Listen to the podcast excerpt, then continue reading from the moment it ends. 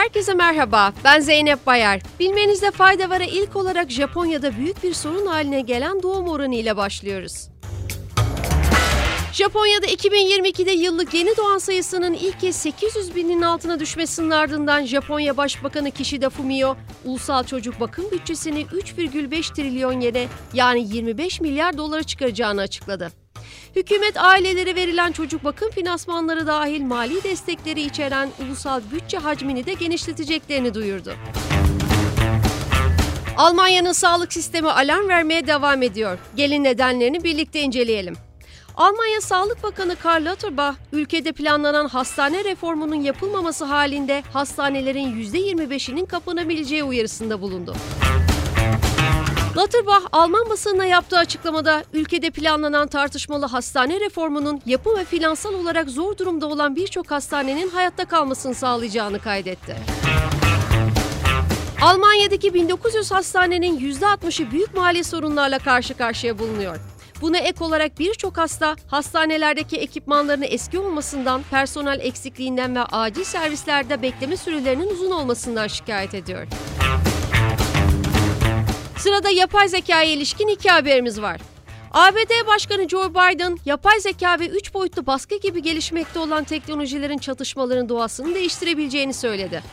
Yapay zekanın insanın düşünme biçimini alt edebileceğini belirten Biden, bu nedenle bu konuda yapacak çok şey olduğunu söyledi. Danimarka Başbakanı Mette Frederiksen, yapay zekanın yenilikçi yönlerini ve risklerini vurgulamak için parlamentoda yaptığı konuşmanın bir kısmının ChatGPT tarafından hazırlandığını açıkladı.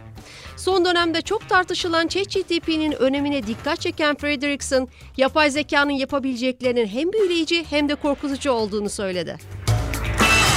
Yapay zekanın saniyeler içerisinde bir üniversite ödevi veya rapor hazırlayabileceğini kaydeden Frederiksen, yapay zeka henüz anlayamadığımız şekilde toplumumuzu değiştirecek diye konuştu.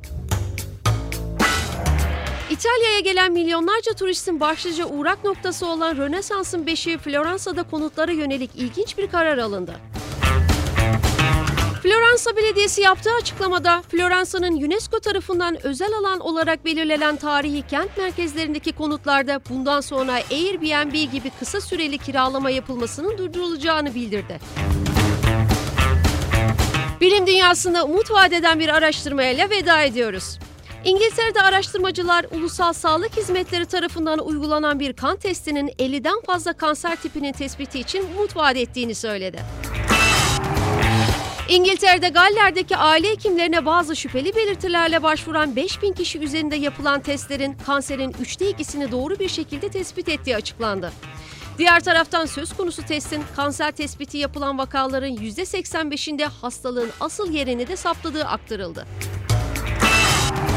Bugünlük bu kadar. Haftaya tekrar görüşmek üzere. Hoşçakalın.